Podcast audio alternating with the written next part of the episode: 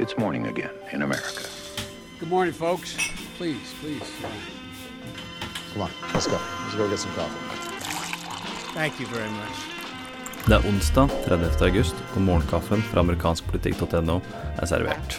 I går kom Trumps respons til Nord-Korea. Eh, Han sa bl.a.: 'All options are on the table'.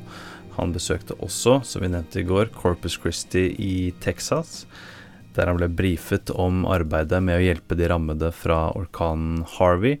Eh, utenfor brannstasjonen så sa han bl.a.: 'What a crowd, what a turnout'.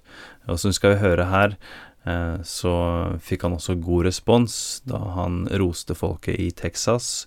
Og helt på slutten av klippet her, da folket jubler, så holder han opp delstatsflagget til Texas. I will tell you, this is historic. It's epic what happened. But you know what? It happened in Texas, and Texas can handle anything. Thank you all, folks. Thank you. Thank you.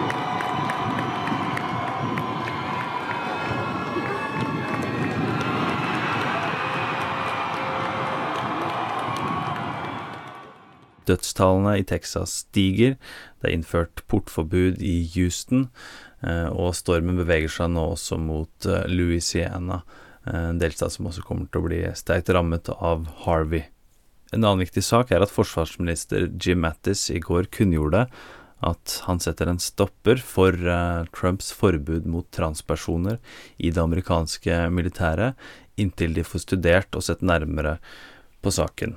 Mattis sa annet at det viktigste her er hva som er best for militæret, og at han vil komme med sin anbefaling til Trump etter at en studie har sett nærmere på mulige effekter av et slikt forbud. Og i mellomtiden så vil transpersoner kunne fortsette å tjenestegjøre i det amerikanske militæret.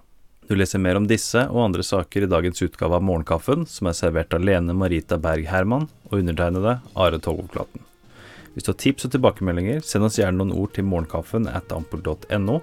Du abonnerer ved å gå til ampol.no kaffen, og så snakkes vi i morgen.